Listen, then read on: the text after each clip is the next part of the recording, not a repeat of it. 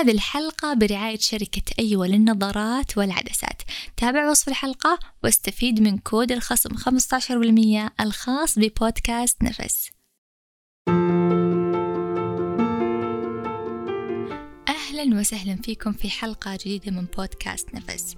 أنا سماح العثمان مدربة في السلام الداخلي ومدربة لتقنيات العلاج بمجال الفكرة. في الموسم الرابع من بودكاست نفس أستضيف أشخاص ملهمين ومؤثرين حتى يضيفوا لنا. وهذه الحلقة هي الحلقة الأخيرة من هذا الموسم وأنا اللي راح أختمها بموضوعنا اليوم اللي هو يشبه اسمي التسامح. كثير سمعنا في عالم الوعي سامح من أجل نفسك. عشان توصل لأهدافك لازم تسامح. عشان ترفع ذبذباتك لازم تسامح. كثير قرأنا كتب عن التسامح وتقنيات وتمرينات. لكن في الحقيقة قلة اللي طبقوا التسامح بشكل صحيح أو فهموا المعنى الحقيقي له. واليوم من خلال هذه الحلقة راح أشرح لك التسامح من منظوري أنا سماح وكيف أتعامل مع شخص يؤذيني في حياتي وأسمح له بالرحيل. أولا خليني أعرف لك التسامح من وجهة نظري. التسامح هو قدرتك على موازنة مشاعرك تجاه الشخص اللي أذاك واعتباره شيء من الماضي. يعني لما تسمع طاري الشخص اللي أذاك تكون مشاعرك متزنة وتقول خلاص بسلامته أو مع السلامة وتطوي صفحته. في حين أن التسامح الأغلب يعتقد أنه هو تنازل أو أنك تنزل من نفسك أو أن حقك يروح عليك أو أنك تهان وهذا الشيء غير صحيح. التسامح يجي بعد عدة مراحل تمر فيها مش بالسهولة اللي إحنا نقولها أو نسمعها أو كأنه بضغطة زر. أنا بنام بقول خلاص أنا قررت أسامح هذا الشخص وأصحى ثاني يوم أنا سامحته. لا من أول المراحل اللي يبدأ فيها التسامح هو أنك تقرر أنك أنت تريح نفسك من هالهم. أهم مشاعرك تجاه الشخص اللي مزعجك. هم القهر لما تفكر فيه قبل ما تنام. آه الضيقة الزعل الحزن تجاه الموقف أو تجاه الشخص اللي أنت شايله في خاطرك ممكن يمتد عندك إلى سنوات كثيرة. إذا أول مرحلة في من مراحل التسامح هي أنك تقرر تتخلى عن هذا الموقف أو تتقرر تتخلى عن هذه المشاعر المزعجة عندك تجاه هذا الشخص. المرحلة الثانية هو أنك تطلب حقك. إذا لك حق عند الشخص تقدر تاخذه طبعا بالطرق المشروعة. مثل أنك تقاضيه في المحاكم أو تأخذ حقك بالطريقة اللي يعني مشروعة وصحيحة بأنك تاخذ حقك.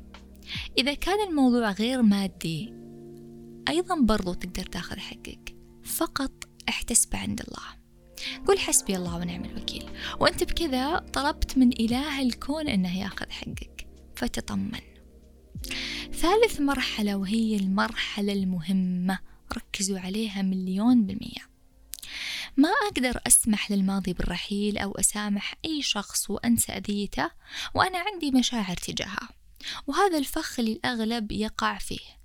أقول إني أنا سامحت أو أنا قادر إني أسامح لكن لما ينذكر اسم الشخص تلقى نفسك لا شعوريا مشاعرك تصير منزعجة تتضايق تتكدر يضيق صدرك. أو تحس أنك عندك مشاعر غضب أو قهر تجاه هذا الموقف. فالحل في هذه المرحلة أنك تنظف مشاعرك تجاه هذا الشخص أو تجاه هذا الموقف. مثلا حدث انفصال بين زوجين وكان هذا الانفصال بعد خلاف. وواحد من الأطراف أذى الثاني سواء بالكلام أو بالأفعال أو بالإهانة ويعني تسبب له بأذى. فنعمل أول مرحلتين طبعا والثالثة هو أن الشخص ينظف المشاعر السلبية من صدمة الانفصال. كيف؟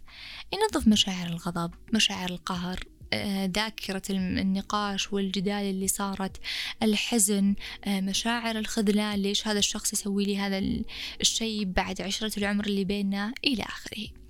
كل هذه المشاعر يحرص أنه يتخلص منها. راح تسألني كيف سماح كيف أقدر أتخلص من هذا الألم وهذا شيء يألمني ويأذيني بقول لك أنه في تقنيات كثيرة لتنظيف المشاعر. ولو أنت متابعني على الإنستغرام أو تسمع الحلقات القديمة لبودكاست نفس سبق وتكلمت عن هذه الطرق اللي إحداها التأمل الكتابة العلاجية التنفس تقنيات ال TFT وفي كثير طرق تقدر تجربها وتشوف اللي يناسبك. ولاحظ أنه هذا لا يعني من جلسة واحدة خلاص بينضف كل شيء وأمورك بتصير perfect لا لازم نعتمد هذا الشيء كأسلوب حياة. لازم شوي يكون عندنا الوعي أني أنا أفرغ مشاعري أول بأول. ما أخلي الحزن أو الغضب يتراكم عندي. فمثلا أعمل تأملات يومية آه، أستخدم الكتابة بشكل يومي أطبق تمارين التنفس بشكل يومي أطبق تقنيات التي اف تي بشكل يومي إذا مو بشكل يومي على الأقل بشكل أسبوعي. فلما أنا أبدأ أتعلم تقنية تساعدني أني أنا أعيش بحياة أفضل آه، أفرغ مشاعري أول بأول بالتالي الصدمات ما تتراكم عندي. تذكر أنه إحنا كتلة من المشاعر. فإذا أنت ما انتبهت على مشاعرك واعتمدت على طريقة أو طريقتين تطبقها عشان تساعدك راح تعلق في دوامات ضغوطات الحياة ومشاكلها والمواقف الصعبة. لذلك أقول لك شوف أي طريقة تناسبك واشتغل على مشاعرك العالقة. خلونا ننتقل للمرحلة الرابعة من التسامح. أعطي نفسك المساحة والوقت لعيش المشاعر. بس لا تطول. لا تعيش دور الضحية لا تطول في الحزن إلى أن يصير عندك دور ضحية. عيش الحزن عيش الألم. آه، عيش صدمة الانفصال. أي موقف تمر فيه اسمح لنفسك إنك تعيش هذه التجربة. ابكي احزن آه، عيش الألم. وبعدين فرغ هذا الشعور سواء بالتي اف تي بالتنفس بأي طريقة من الطرق اللي أنا ذكرتها. وهذا الكلام مش كلام كتب أو كلام تنظيري أبدا. هذا الكلام من تجربتي الشخصية أنا كسماح. ما وصلت لمرحلة التسامح مع الأشخاص اللي تأذتني إلا بعد ما تعلمت كيف أنظف مشاعري.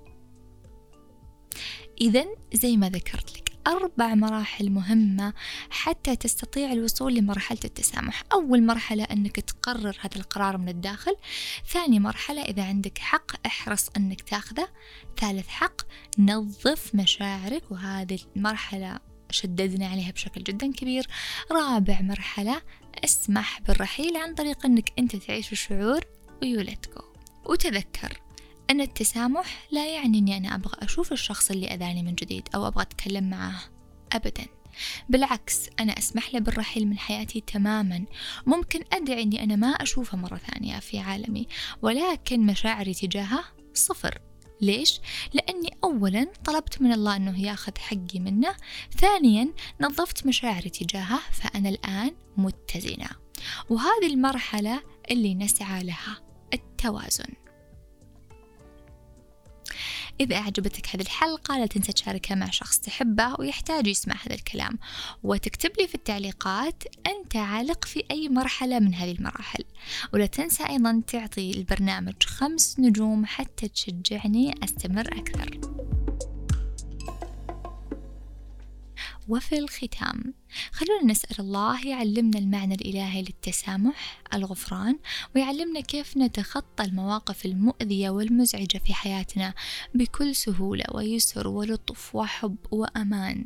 ودائما ادعي وردد اللهم لا تجعل في قلوبنا غلا للذين آمنوا. ألقاكم في الموسم القادم في أمان الله.